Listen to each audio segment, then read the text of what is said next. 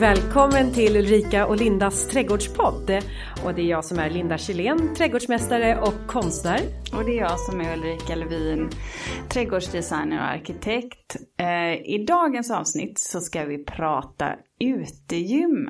Och vi har faktiskt med oss också en gäst som jag kommer presentera alldeles strax. Eh, men Linda, jag tänkte att du först skulle få förtydliga det här eh, om frågor som vi får in till podden. Ja, vi ber ju er lyssnare om frågor och vi blir så tacksamma när ni ställer frågor och en del frågor är eh, ut, alltså väldigt eh, uttömmande som behöver eh, ett ganska långt svar.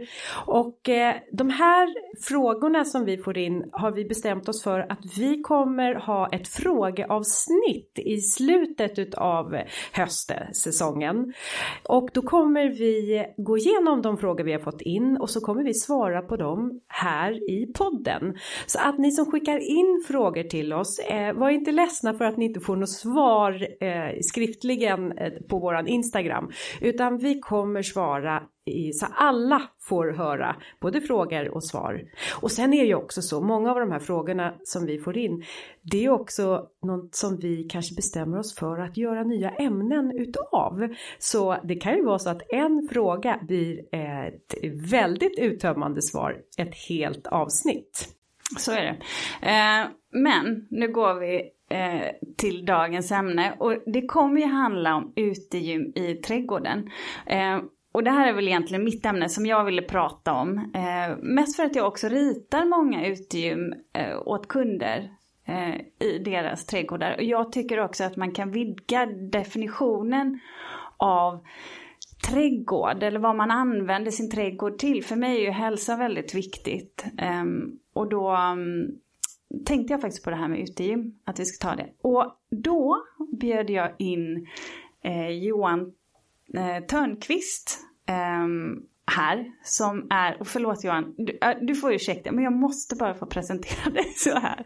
Eh, för Johan, du är ju här i egenskap av personlig tränare men du är ju faktiskt också brandman och modell. Ja, det kan man säga. Jag är en mångsysslare. Ja, jag tycker det är så roligt. För tänk där, men tänk på middag, när man kommer på middag eller på en tillställning. Vilken icebreaker. Du kan ju bara rada upp de här och det kommer alltid vara så att någon vill, mm, liksom att det går lätt att prata. Ja, det finns mycket frågor som man kan få, ja. Eller hur? Du måste vara en sån här given stjärna. Det kan aldrig, för jag vet att jag har ju en man, du är ju kollega uh, med min man. Och jag vet ju att när vi har varit på middagar och så här, träffar nya människor, så fort han säger att han är brandman så ser jag hur det liksom tindrar till i ögonen. Det spelar ingen roll om det är män eller kvinnor eller vuxna eller barn. Det är någonting speciellt med att jobba som brandman. Upplever du också Ja, ja, men så är det ju verkligen. Och det är så otroligt mycket frågor. Och det, vi har ju lite skyddad verkstad på brandkår. Man vet inte riktigt vad, vad gör vi egentligen? Förutom det självklara att vi åker ut och släcker bränder och så vidare. Men eh, liksom innanför dörrarna, då är det lite hemligt. Och det tror jag gör många nyfikna. Ja, lite musik. Men för jag tänkte faktiskt också på dig Linda, för du har ju jobbat som flygvärdinna tidigare. Och har du märkt någon skillnad när du bytte, när du bytte yrkesbana egentligen? Vilket var mest intressant när du träffade nya människor?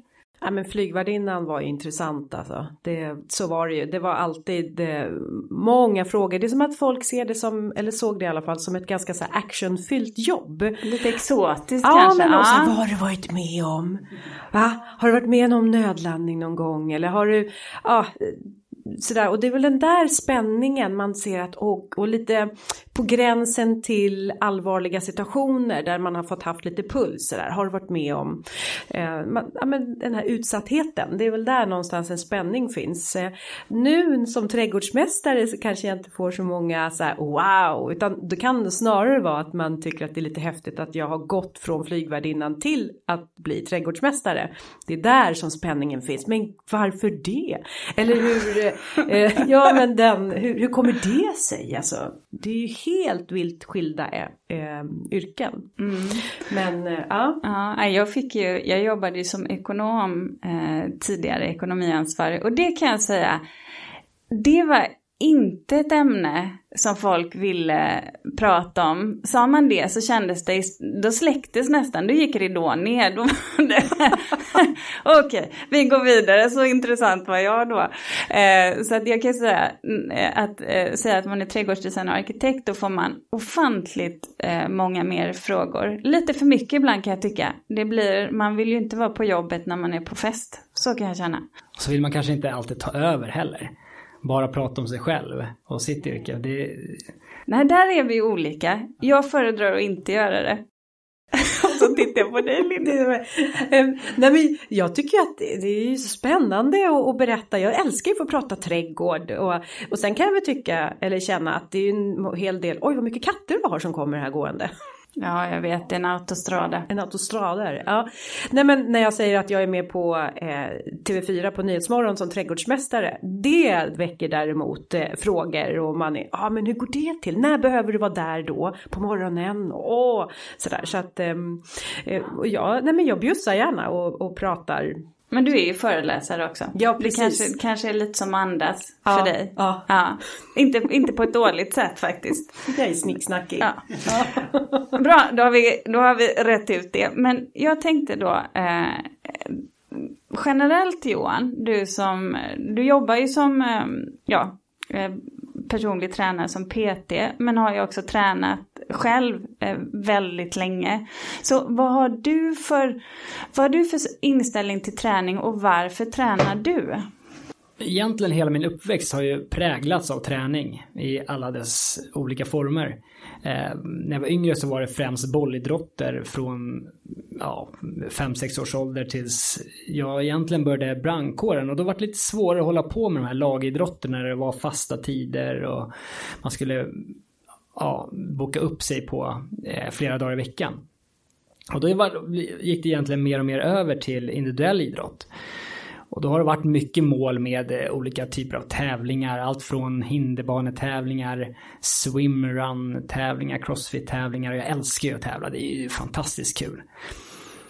Men just nu, eh, idag, så tränar jag nog mest för att må bra. Och jag älskar ju att träna. Så det blir ju kanske lite mer träning än vad man skulle klassas för att liksom gemene man och för att må bra. Men jag älskar att träna, så är det. Hur många pass i veckan då? Om vi pratar, om vi snittar.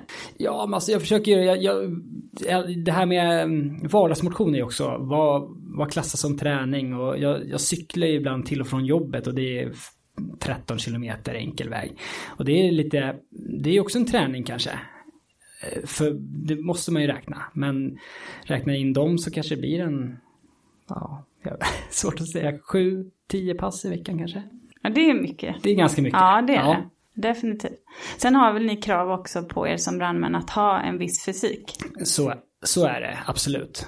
Och sen blir det en del även, eftersom jag tränar andra så är man ibland lite involverad i den träningen också. Jag tränar även mina barn i eh, friidrott och eh, gymnastik och fotboll. Man, man är ganska aktiv. Mm.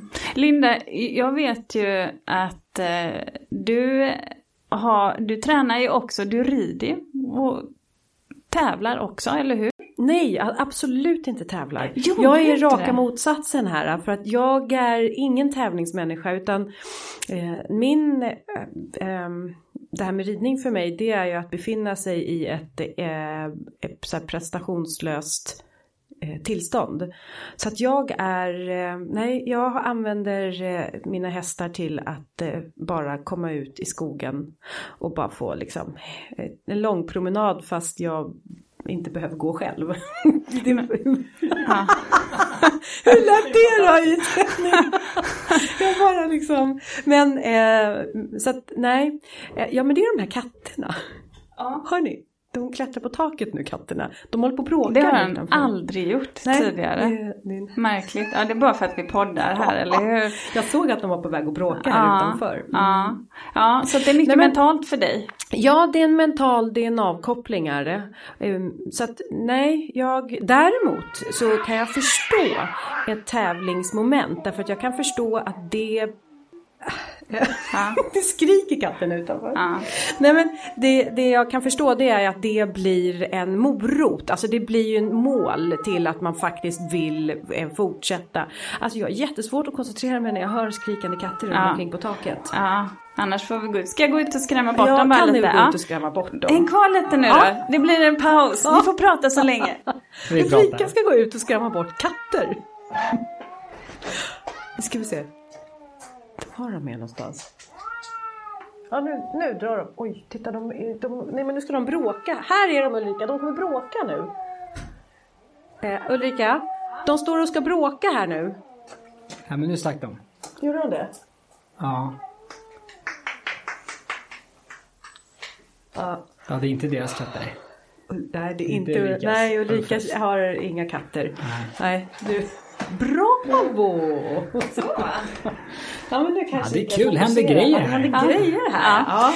Ja, men vad bra. Nej men... Ja, men alltså, jag, så jag förstår ändå tävlingsmomentet därför att man ska ha ett mål att jobba i, till. Så. Ja. Ehm, Ja, ja, det, det, det, det är kul det där för alla tycker så otroligt olika. När jag träffade min, min fru, när vi var tillsammans för 11 år sedan, då, då i hennes familj har man aldrig, aldrig hållit på och sportat och tävlat framförallt. Så när jag sa att ja, jag ska springa ett lopp här i helgen, då kollade alla på mig som att jag, va? Ska du springa ett lopp? Varför, varför, varför, Till varför vilket då? syfte? Varför det? Så det är ju verkligen så. Det är otroligt olika Ja. vad man har för, för mål själv. Eh, Det hade jag faktiskt när jag hade varit ute och um, jag hade varit ute och sprungit intervaller sent på kvällen och så ringde jag en kund för att ja, han behövde komma i kontakt med mig där. Och så berättade jag just det att jag hade varit ute.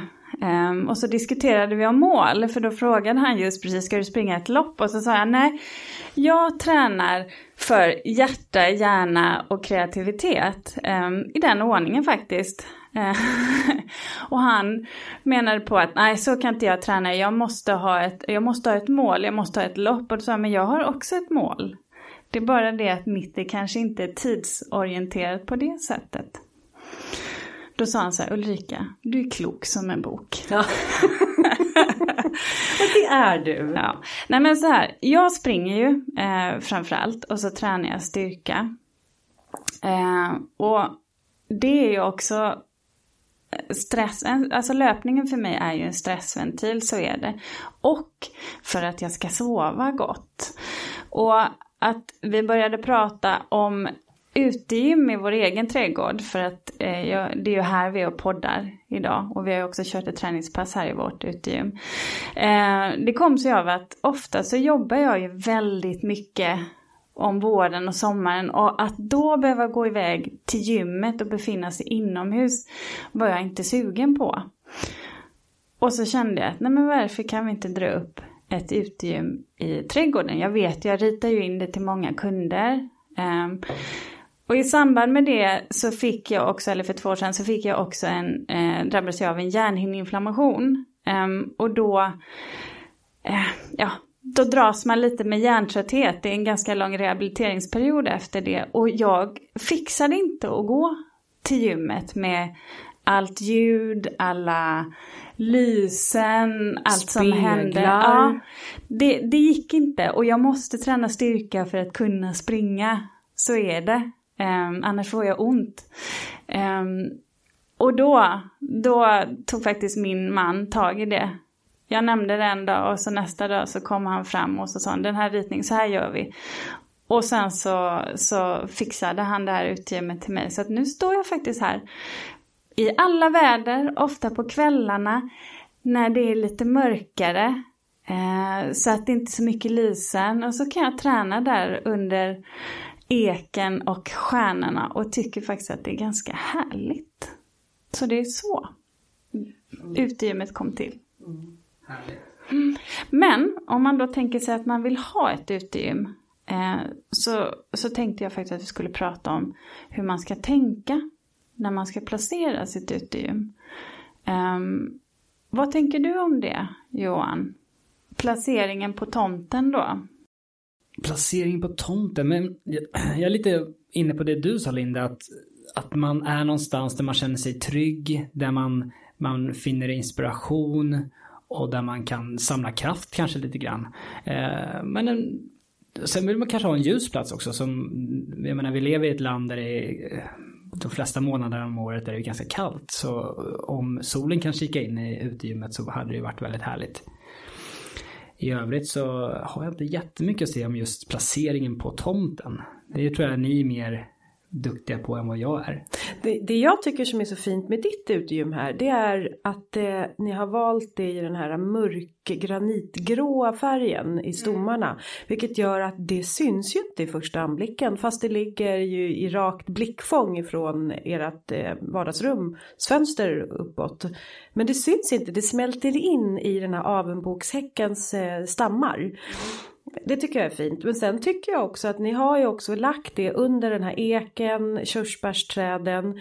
Vilket gör att eh, det blir inte det är inte liksom total skugga. Men det är fortfarande inte den här gassande solen. Det, det märkte jag ju. Jag började ju det här träningspasset med dunjacka. Mm. och sen efter att eh, eh, vi hade varit igång ett tag så eh, då kunde jag ta med dunjackan. Eh, för att man blir ju varm. Jo, och det, det blir just de här Placeringen, alltså sol kontra skugga eh, om man ska träna på sommaren. Tillgängligheten tycker jag också är viktig. Eh, man ska komma åt, man behöver ha en tillräckligt stor yta för de övningar man vill göra. Eh, jag vill gärna eh, kunna göra en del hopp, lite plyometrisk träning. Min man, han tränar en budosport så han vill ju ha sina, vad ska man säga, slagpåsar, saccosäck, eller inte saccosäck heter det inte va? Nej, eh, Men, boxningssäck boxningssäck. Ja, saccosäck. Tack, tack. det Nej, jag tänkte så här, slöar i. Ja, precis, sådana sitter man ju på framför tv så jag kände det var helt fel där. Eh, så att det behöver man ju tänka på också. Sen tycker jag också att ett, en grej som man behöver tänka på är ju också ja, men sådana här praktiska funktioner som ja, men under ett träd där man har fallfrukt. Ja, det kanske inte är det mest optimala. Det är fåglar som sätter sig och bajsar ner hela utegymmet. Vi har ju det under en stor ek, men vi har faktiskt inga problem med det. Sen kan jag också tycka utifrån grannar, man är ju olika när man vill träna. En del tycker att det är okej att träna när grannarna ser på. En del vill faktiskt stå lite privat. Så det här är ju också en, ska man ha det lite insynsskyddat eller lite mer öppet? Det kan man ju också fundera på. Jag tycker också att eh, vad ni har använt för markmaterial. Det här är, vad är det för, det är, någon, det är sand som är Det här är stenmjöl. Stenmjöl är det ja. Och den är ju bra. Men det jag märkte, för jag rullade ju ut en sån här typ yogamatta. Eh, bara för att eh, vi skulle göra plankan skulle vi göra. Ja då tänkte jag åh mina armbågar kommer göra sig illa här nu. Så då hämtade jag den här eh, yogamattan och så la jag den och sen nu när jag tog bort den så såg jag oj den blev ju jättesmutsig. Förlåt Ulrika jag har försökt och eh, eh torka av den så gott det gick. Men då tänkte jag så här man kanske också skulle ha en yta där man har trä däck så att man kan lägga och liksom göra de här stretchövningarna för att de förstod jag ju var väldigt eh, viktiga inför träningspasset, uppvärmningsövningarna och då var det ju mycket sitta ner på backen och vad tänker, vad tänker du om ute, alltså underlag Johan? Ja, men jag håller med lite där om att det kan vara bra med någon form av eh, eh plank och liksom, eh, vad säger man? Eh, hårdgjord lite. Eller hårdgjord behöver det inte vara. Trädäck Nej, men eller något. Något, något trädäck och något slag. Eh, vi, jag bor i radhus hemma och vi har ganska lite plats men vi har ändå ett utegym. Eh, ett litet, litet utegym. Och det är faktiskt Grannarna ser på, alltså de, de, vi hamnar ju väldigt nära varandra. De undrar nog vad vi håller på med där hemma för det kommer eh, hem andra kompisar och tränar och barnen springer runt och det är ja, jag vet inte vad, men det är otroligt härligt tycker jag med, att, med känslan av just också i, i de här coronatiderna just nu, att kunna vara utomhus och träna. Jag tycker det är helt fantastiskt. Det blir lite som en sån här vuxenlekställning. Ja. Och, och det här kommer vi komma tillbaka till, vem som ska träna faktiskt, men jag gör så här att när jag, när jag ritar utegym eh, så tänker jag mycket på, på underlaget för det är viktigt. Det beror på vem, vem det är som sagt vad som ska ha det utegymmet. Jag eh, har ju också ritat trädgårdar till elitidrottare och då, då kanske de ibland har ganska stora träningsanläggningar eller delar i sin trädgård i alla fall som används till träning. Eh, stenmjöl tycker jag är jättebra. Det kan ju också vara en sån yta om man invid sitt utegym eh, det här kan, om man vill ha en större yta, som man till exempel spolar på vintern och sen så om man kör hockey eller någonting så, så är stenmjöl väldigt bra. Eh, sen finns det ju naturligtvis att man kan köra gräsmatta. Eh, då är det lite svårt om man har en skuggig plats för då blir det ganska geggigt så småningom. Det sliter på gräsmattan men annars är ju det ett bra underlag. Eh, konstgräs har vi ju. Eh, men då, det är ju det här med, med de här mikroplasterna om man använder det här granulatet i konstgräset. Um, där kan man ju som privatperson kanske använda kokos eller bark eller kork. Um, det finns ju en del att säga om det här med konstgräs och jag är inte jätteinsatt i vilka lösningar som finns för att få det eh, miljövänligt. Det är en diskussion som pågår. Jag säger eh, bara, jag är trädgårdsmästare så att jag... Eh... Nej, du ratar det. Nej, jag har det inte heller. Eh, därav så, så har vi stenmjöl. Um, det kan man också förändra. Sen är det ju så att säga att mitt kontor ligger ju direkt anslutning till det här utegymmet. Alltså jag har en 15 kvadratmeter, eh, ett 15 kvadratmeters hus. Så det är ju egentligen här inne jag gör mina okay, övningar på matta och så vidare. Utan då nyttjar vi det här. Just det. För jag gillar ju att det finns, om det finns något ställe som är lite mjukare också. Mm. Um, och sen gillar jag ju att man tänker om man sen ska hoppa hopprep och så vidare. Då kan det vara lite jobbigt med grus.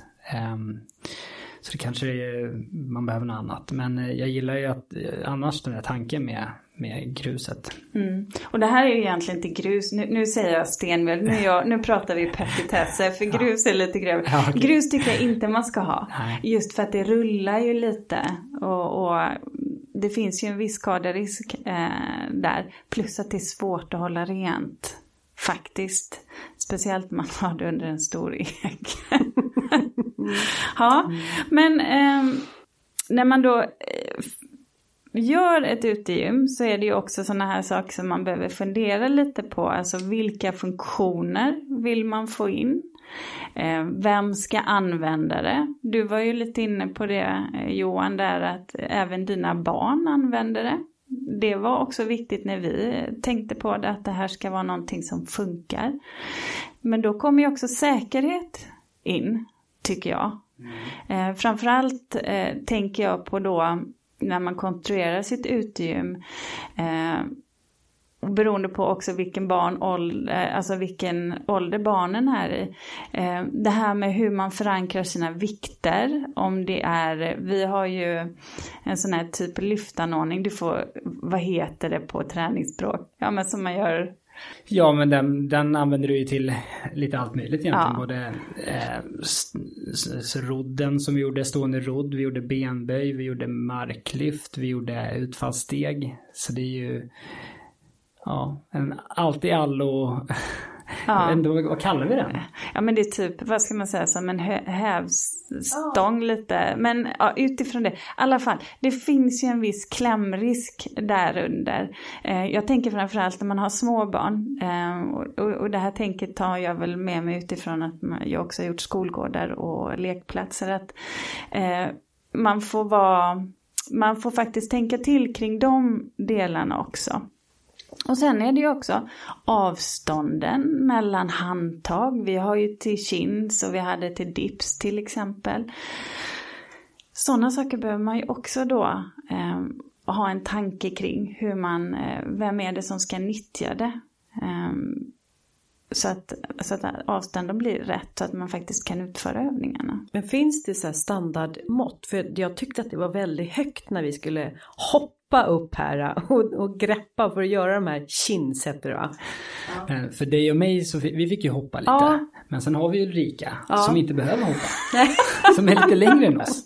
Så att det, jag tror man får kanske, jag vet inte vad Ulrika säger, man kanske får måttanpassa lite beroende på vem som ska använda det. Ja och grejen är att vi har ju också små barn. Nu är de som apor så att de klättrar upp ändå. Eh, men man brukar ju sätta klossar på, eh, på stolparna, småklas, så att man kan eh, ta ett steg uppåt, ett kliv uppåt. Eh, som då inte sitter i vägen. Sen tycker jag, jag älskar den här typen av, av eh, när man kan gå armgång i ett utegym. Så Finns det några saker som du tycker Johan att man ska ha med när man konstruerar ett utegym som du som tränar så mycket? Nej men alltså överlag så tror jag ändå att de flesta utegymmen baseras lite på de här basövningarna vi har. Vi har chins, vi har marklyft, vi har benböj, utfallssteg. Eh, vi har eh, militärpress när vi pressar stången upp över huvudet. Du har, även ibland så finns det sådana här som stockar. Du, kan, du pratar om den här pylometrisk träning. Det är ju sån här explosiv träning. Där du hoppar upp jämfota till exempel på en stock. Finns olika höjder. Det är också någonting som är väldigt bra. Men mycket där man kan göra sina basövningar egentligen. Och sen kan man ju sprida lite, sprida lite eh, från det så att säga med lite andra typer av grejer. Men med det kommer man väldigt långt. Och armgången där, Monkey Baren, den är också en klassiker som finns nästan på alla utegym. Vad sa du? Monkey Bar? Monkey Bar, ja. Okej, okay. det har jag aldrig hört Nej, jag, jag, är stum. Men vad har vi lärt oss nu då? Monkey Bar, T-Rex? Ja, var... precis. T-Rex var det också. Och sen var det någonting om... Eh, det, det kan inte Linda och jag göra. Det, det visar Johan. Eh, så att eh, det var en övning som kändes ganska jobbig. Men, eh, men jag tänkte också på att det här, en annan sak då för att man ska använda sitt utegym som jag tycker är viktigt, det är att man tänker till kring förvaring av prylar. För nu räknar vi ju upp, du hade ju med dig lite grejer. Mm. Som band till exempel som är bra hjälpmedel. Beroende lite på hur tungt man vill träna.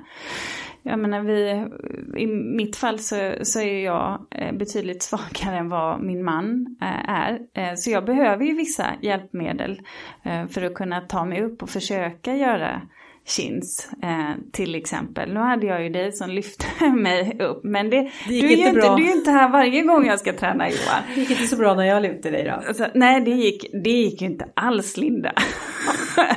men, men sådana saker kan jag också tycka att det då är anpassat till um, att det går lätt att ta fram, lätt att ta bort.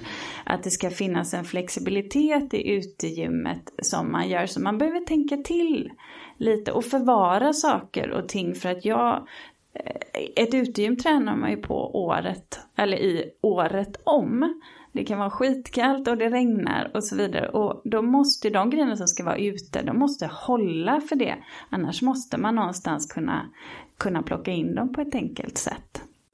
Det jag gillar med utegymmet, eh, som vi pratade om här innan vi började, och det är ju den här när jag kommer in i ett vanligt gym så kliver man in och då känns det ju väldigt otryggt. Jag känner mig verkligen inte hemma i den miljön som vi pratade om. Det speglar överallt och alla är så här målinriktade och vet precis hur alla dessa konstiga, man måste ju nästan vara tekniker för att veta hur de här redskap, heter det ens redskap? Ja, okej. Okay. Hur sådana fungerar och, och likadant, alla låter så arga där inne för de tar i och de skriker och, eh, och då blir man lite så här, oh, vad, vad, vad är min, äh men okej, okay, jag hamnar på trappmaskinen eller på den här springmaskinen. Men löp, Förlåt, löpande aha, menar du? Va? Ah, ja, okay. ja. Springmaskinen. Ja, jag är inte där så ofta. Men ett utegym däremot är ju i en miljö som i alla fall jag känner mig väldigt hemma i. Och det känns inte lika avancerat. Det känns lite mera, ja men så här, det är kanske lite mer skolgympa. Mm. Och inte så hypat, alltså bara det här när man kliver in på ett gym då kanske man måste dricka sådana här pulverdrycker och eh, alltså det känns så här men här kanske det räcker bara att man kanske kan ha med sin latte Nej, kanske inte riktigt då. Men... Vad säger du om det Johan? Nej, men jag vet inte, alla hittar ju sin motivation på något sätt och eh, jag tror på lite det här vi gjorde idag, att man, man, man gärna binder upp sig med kanske en kompis, med en familjemedlem, att träna tillsammans med andra. Det gör det ju så mycket roligare och så mycket enklare att det blir av framförallt.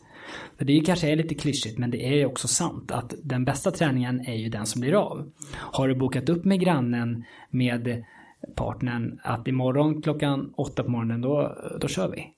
Det här, då, då det... kan du inte riktigt bara boka av det och det var nog en aha-upplevelse. Just det här att jag för mig är så här, gym det är eh, singelträning. Man gör det bara så här egoistiskt, det gör jag för mig och jag gör det själv.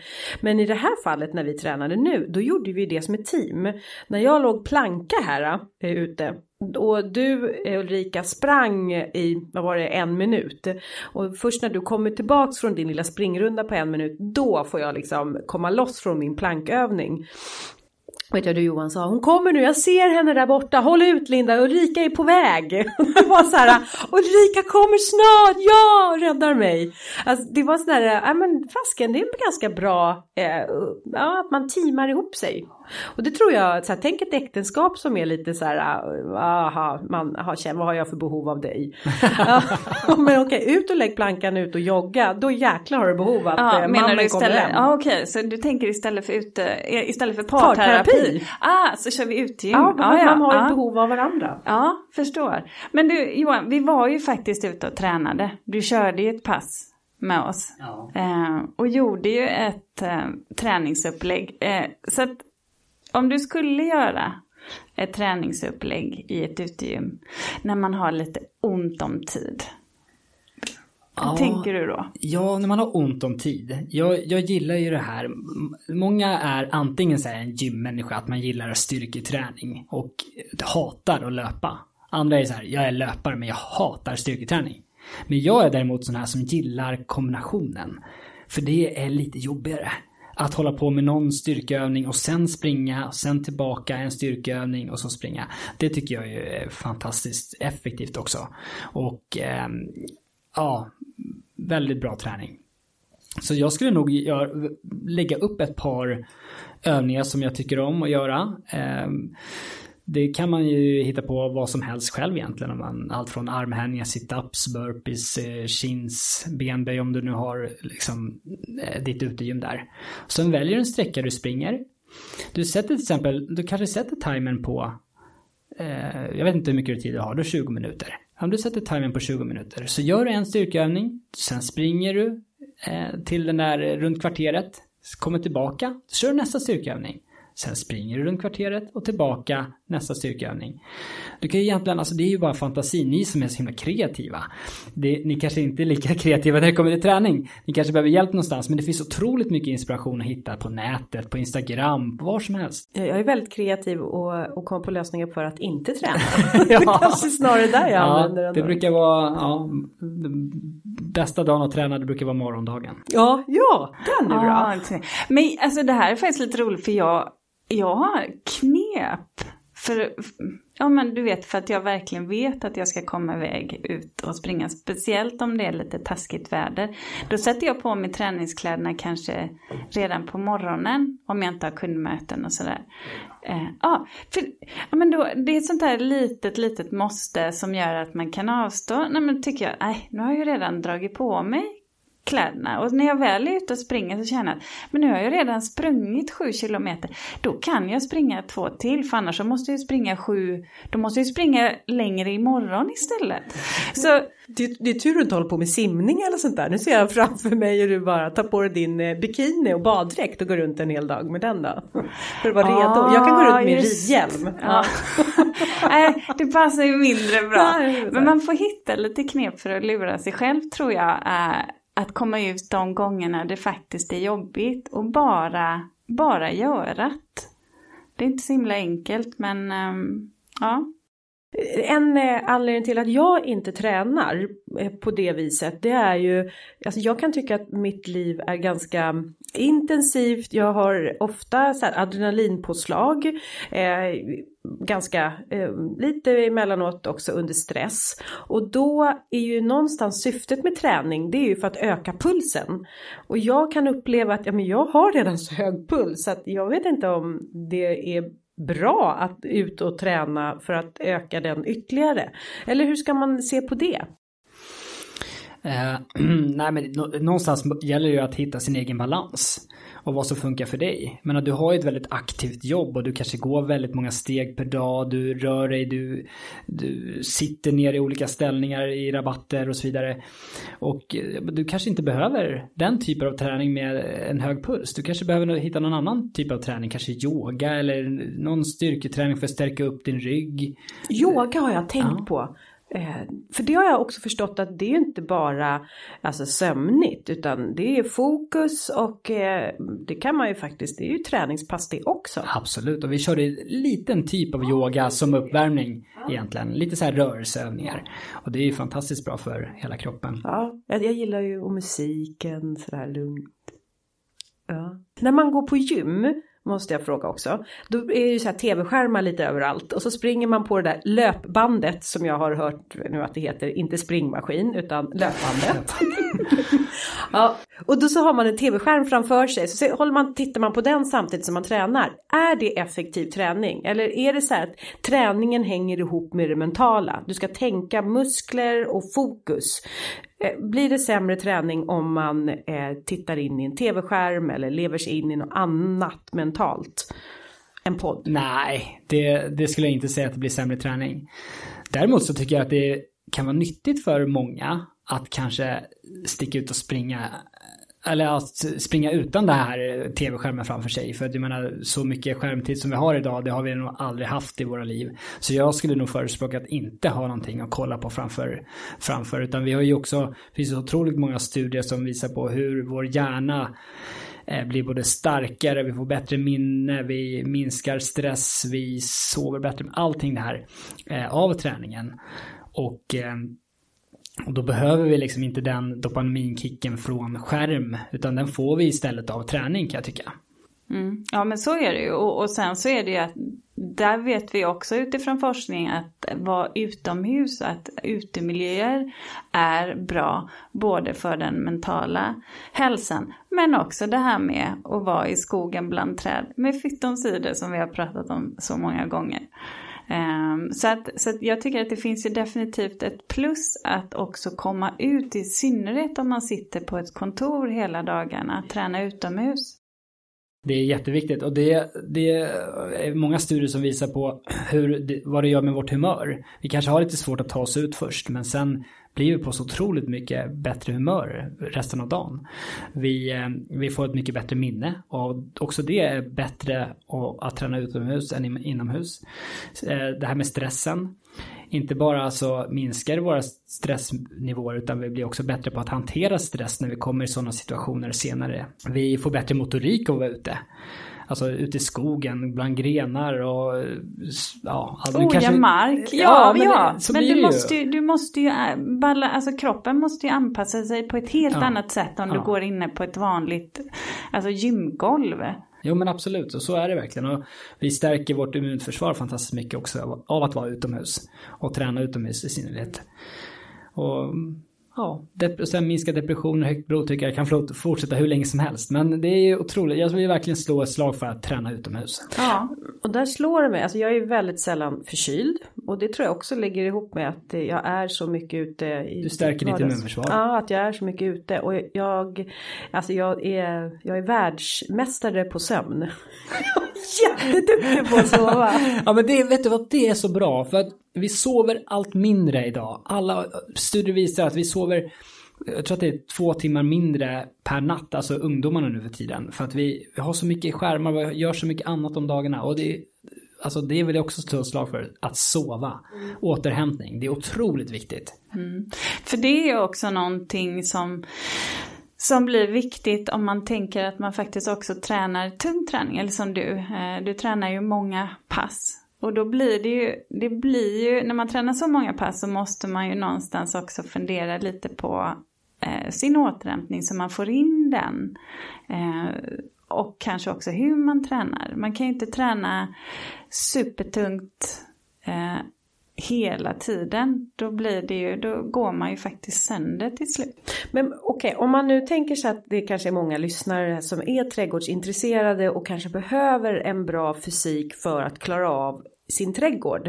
Eh, vad är det för muskler som man behöver fokusera på? Jag vet att eh, jag brukar få komplimanger ibland för att jag har såna fina snygga ryggmuskler. Och då inser jag att min rygg, den använder jag eh, mig väldigt mycket utav. Så Ja, alltså det... Jag är själv ganska dålig på det här med att vara i rabatt, för jag har ingen egen rabatt. Eh, och jag har svårt att säga vilka muskler, men jag, jag tror att ni... Jag, jag, ser mig framför mig bara att man behöver vara ganska rörlig också. Kan ja. det vara så? Ja, ja, eh, det är klart. Alltså, ena stunden så är man ju nere djupt i myllan och gräver för att nästa gång vara uppe i träd och eh, fixa någon gren som är eller sträcka sig in i rabatten för att nå ett ogrässtrå eller så att det är klart att det är ju en mångsidig. Eh, finns det så här, kan man, eh, kan man träna upp sekatörsmuskeln? Det, det går säkert att fixa sån här gammal som, här, som du kan sitta med i bilen till och med som du klämmer åt med, med händerna för att träna dina handleder. En riktig sån här klassiker. Ja, men jag vet inte, ja. Så här, som, ja. ja, kör man när man är målvakt till exempel. Målvakt eller när du har, eh, när du behöver ha vissa grepp ja. i vissa bollsporter där. Herregud vad jag kan. Ja men gud, ja, målvaktsträning ska man ha, handgreppet. Det är bara, det är bara ja. för att jag har barn som har tränat där. Så att, eh, så kan, du vet, man plockar upp saker och ting. Um, faktiskt. Eh, men jag tänker på Johan, eh, så här. När man som PT, alltså personlig tränare då, när du kommer in som PT, vad har du för vad har du för filosofi? För jag berättade ju nämligen både för lyssnarna och för dig att jag tränade ju min PT och då kräktes jag. Ehm, för att jag tog i så mycket. Ehm, jag kan inte lasta PT för det. Ehm, för att det här handlade mer om att jag hade ah, så här, jag hade tränat med honom en gång tidigare och han var så himla nöjd med mig. Han säger så här att herregud, jag behöver inte ens pusha på dig, du tränar ju av dig själv. Och av någon anledning så tog jag till mig av det här och tyckte att ja, oj vad bra jag var. Så nästa gång jag ska träna med honom, då har jag det här i bakhuvudet att jag vill ju göra minst lika bra ifrån mig den här gången. Det jag inte vet är att jag har blodbrist eh, dessutom samtidigt. Så att när vi kör den här högintensiva träningen eh, så rätt vad det är så kan inte jag syresätta mig själv tillräckligt. Så att min, alltså jag, jag får sån syra i musklerna och det kommer så fort. Så jag blir likblek och känner bara att nej, jag kommer kräkas. Antingen kräks jag eller så svimmar jag. och PTs ögon när han bara försöker hitta första bästa papperskorg tillgänglig. Ja, det var oslagbart. Eh, Fast var det verkligen oslagbart? Känner du, känner du så här, eh, har du varit hos honom efter det? Det kan jag säga att det har jag ju inte varit Nej. för jag tyckte det blev gräsligt pinsamt. Eh, och jag tror inte att han tyckte att det kändes jättebra heller. Om jag ska vara ärlig. Men jag tror att många tänker på det som att när man har en, en PT att man har någon som ska skrika och det ska vara lite kräkvarning varje gång. Är det verkligen så? Så är det verkligen inte. Jag tror att då har du misslyckats. Jag tror att, eller som PT, att få, få någon att kräkas. Det skulle ju möjligtvis kanske vara om någon är på någon elitnivå och du ska verkligen träna stenhårt. Men, eh, men för, alltså jag, jag måste också säga så här, jag är ju PT, men jag jobbar ju inte individuellt utan jag jobbar mot företag. Så jag kommer ut på deras luncher och håller träningspass för en stor grupp eller en liten grupp på deras lunch. Och, och då är det ju väldigt då är de på väldigt olika nivåer. Så det gäller ju att hitta någon nivå som passar alla, där alla kan vara med efter sin förmåga. Men som Peter tycker jag, då gäller det att kunna se, se personerna och, och, och få dem att känna sig duktiga, få dem att lyckas. Det handlar inte om att köra slut på någon eller att de ska gå därifrån med hängda huvuden och känna så här, åh vad jag är dålig. Utan jag vill, jag vill få dem att känna sig, åh vad jag är bra, det här vill jag göra igen. Det har du lyckats med. Jag känner mig, jag känner mig jättebra eh, som tränare. Eller jag är ju inte tränare men, men, men, men alltså, att jag, jag tycker att fasken jag presterade bra idag. Så, så det, det har du ju lyckats med. Ja vad kul. kul. Ja. Ja, det var roligt. Jag för jag tror att du har... Jag kände att jag satte dig lite på pot- pottkanten när jag föreslog det här Ja. konceptet. Inte när vi skulle prata, men när jag också föreslog att eh, Johan skulle komma hit och att vi skulle köra ett pass. Eh, så det känns ju faktiskt skönt att höra, även för mig. Och för mig. och jag tror att ni var mer nervösa än vad jag. Det här är första gången jag är med i en podd. Och, eh, men när jag kom hit så kändes det som att ni var mer... Du, var det någon som pratade mycket eller? ja, men sen slutade hon prata lite Jo men du sa ju någonting till mig. Kan man prata mycket? Då har man mer kraft kvar att träna. Eller vad sa du för något? Orkar man prata orkar man träna. Ja. Ja, så är det. Så säger jag också till, till fotbollslaget som jag coachar. Ja, det är bra. Ja. Sen Och sa när du något annat roligt också. Det måste vi ändå bjussa på. Du, eh, det var någonting jag visade mina... mina... Triceps du, ja. du gick runt och spände dig en hel del här vid utegymmet. Ja. Jag gick runt och spände mig och då sa du så här. Hörru du du. Har du licens för de där? det tyckte du var kul. Det tyckte jag var jättekul. Underbart. Ja. Eh, men Johan, har, har du någonting mer som du vill eh, tillägga som vi ska ta med oss utifrån utegymsträning? Nej, jag tycker vi varit inne på det mesta faktiskt. Ehm, och eh, vill man inte gå till ett gym, jag tror att många är eh, liksom obekväma på gym. Det tror jag. Och eh, då tycker jag verkligen vilja slå ett slag för att eh, för utegymmet. Och har man inte plats för ett utegym så kanske man kan köpa in några hantlar. Vi körde med gummiband kettlebells, en yogamatta. Alltså det finns eh, ganska lätta saker man kan köpa hem för att komma väldigt långt med. Mm. Då tänkte jag att vi skulle gå över till veckans spaning och reflektion. Eh, du får börja Linda. Mm. Eh, Jag, det är så här att eh, min häst har skadat sitt ben. Och det har gjort att jag inte, hon och jag kan inte vara ute på våra eh, ridturer som jag och hon är ute på flera gånger i veckan. Och eh, det där har uppstått någon form av tomhet eh, hos mig för jag saknar det så väldigt mycket. Och då insåg jag också hur viktigt det är att ha en hobby. Och om en hobby är då eh, träning eller som för min del att just som jag sa befinna sig i ett prestationslöst sammanhang. Där man eh, gör något helt annat, för det är väl det som är en hobby, att göra något helt annat än det man brukar göra i sitt arbetsliv till exempel. För jag vet att när jag jobbade som flygvärdinna då var min hobby trädgård. Det var där som jag bara försvann in i min bubbla och var i ett icke prestationslöst sammanhang.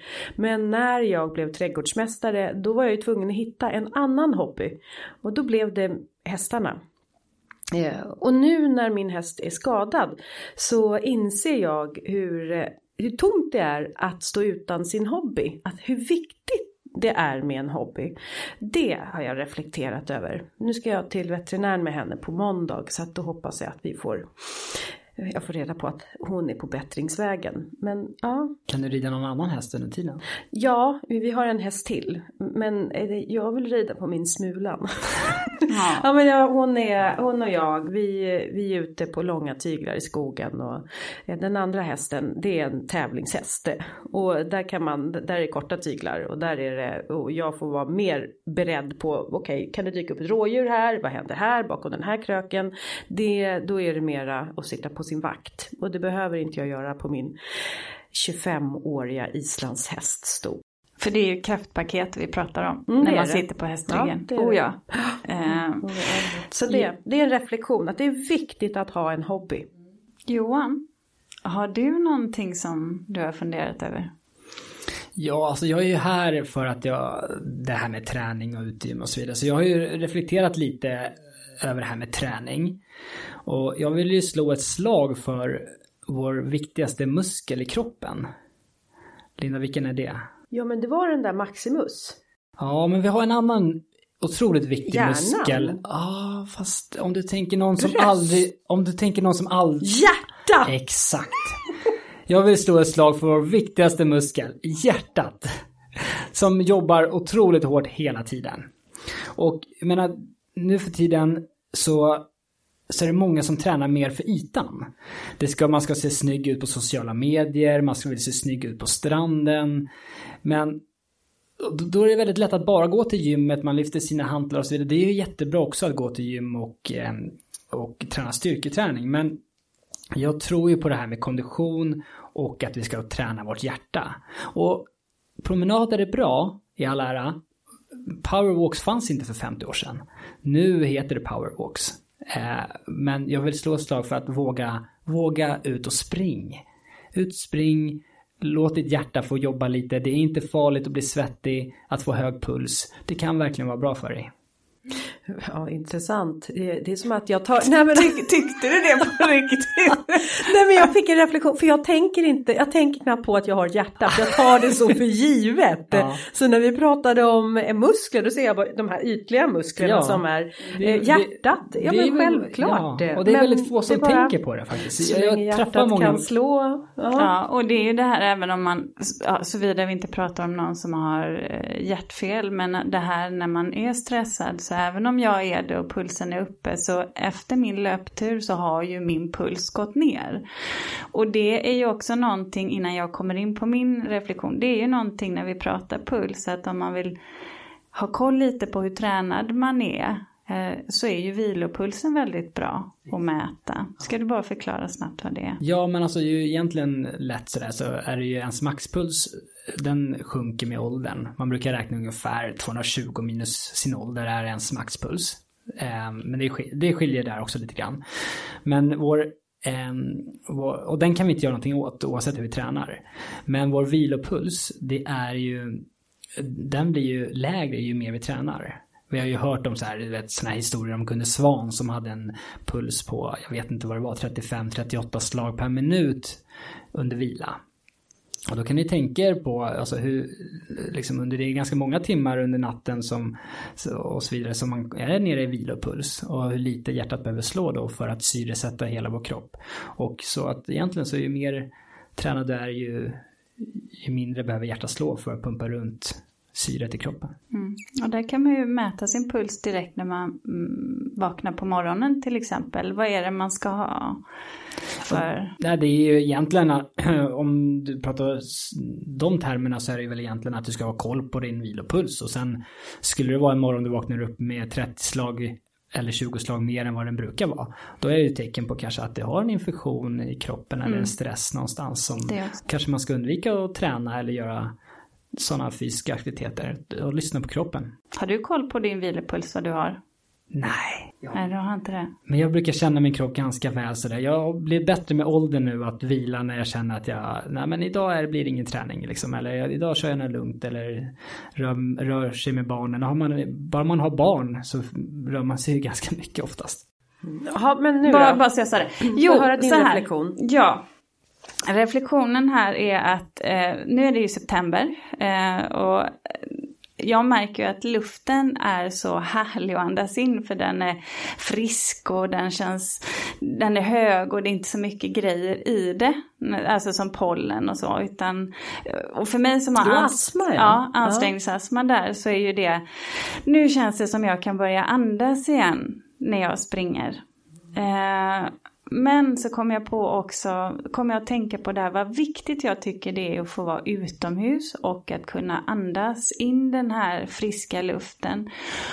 Och då började jag faktiskt tänka på eh, bränder lite utifrån det att du också skulle komma hit. Men det som händer i USA.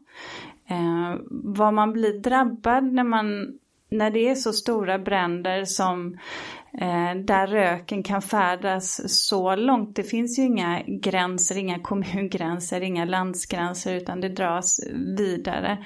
Och om vi drabbas mer av extremväder och bränder blir vanliga, vad, vad, vad är det då för framtid man går till möte? Ska vi alla springa runt med, med filtermasker på oss? Det tycker jag vore extremt sorgligt. Och så tänkte jag också på, vem vill jobba under de förutsättningarna och andas in den röken. Ja, ansiktsmasker tycker jag har blivit som vardag att se med tanke på nu eh, covid. Ja, att det är så många som går exakt. och det är, och det är, det är jobbigt. Det är jobbigt, det är jättejobbigt att ha dem där på sig hela tiden. Så att eh, värna den här friska luften kände jag. Det, det tycker jag känns viktigt för mig. Mm. Eh, sen har jag en till grej. Hörni ni Johan och Linda som är ganska duktiga på Insta, Instagram. Eh, jag är ju inte det. Och jag vill bara säga så här att eh, vi har ju Instakonto. Ulrika och Linda. Johan har också ett som heter, du heter väl Johan Törnqvist? Ja, jag heter Johan Törnqvist. Ja. Och det här kommer vi lägga upp Eh, på vårt Instakonto som ni kan följa då. Och jag kan bara säga så här, jag la ut en yogabild på mig själv för ett tag sedan. Eh, och sedan när jag tittade mitt flöde, håll då i beaktande att jag verkligen är dålig på det här med sociala medier. I mitt flöde sen så dök det upp eh, väldigt tränade kvinnor och gravidmagar. Tolka den om ni vill. Jätte... Jättekonstigt. Mm. Eh, vi rundar av och säger tack och hej. Det finns ju fler avsnitt att lyssna på. Eh, och eh, lyssna gärna på oss nästa vecka igen. Då pratar vi växthus, Linda. Det gör vi. Då har vi mycket att säga. Ja. I alla fall jag. Ja. ja. Ha det bra. Ja. Hej då. Hej då. Hej då.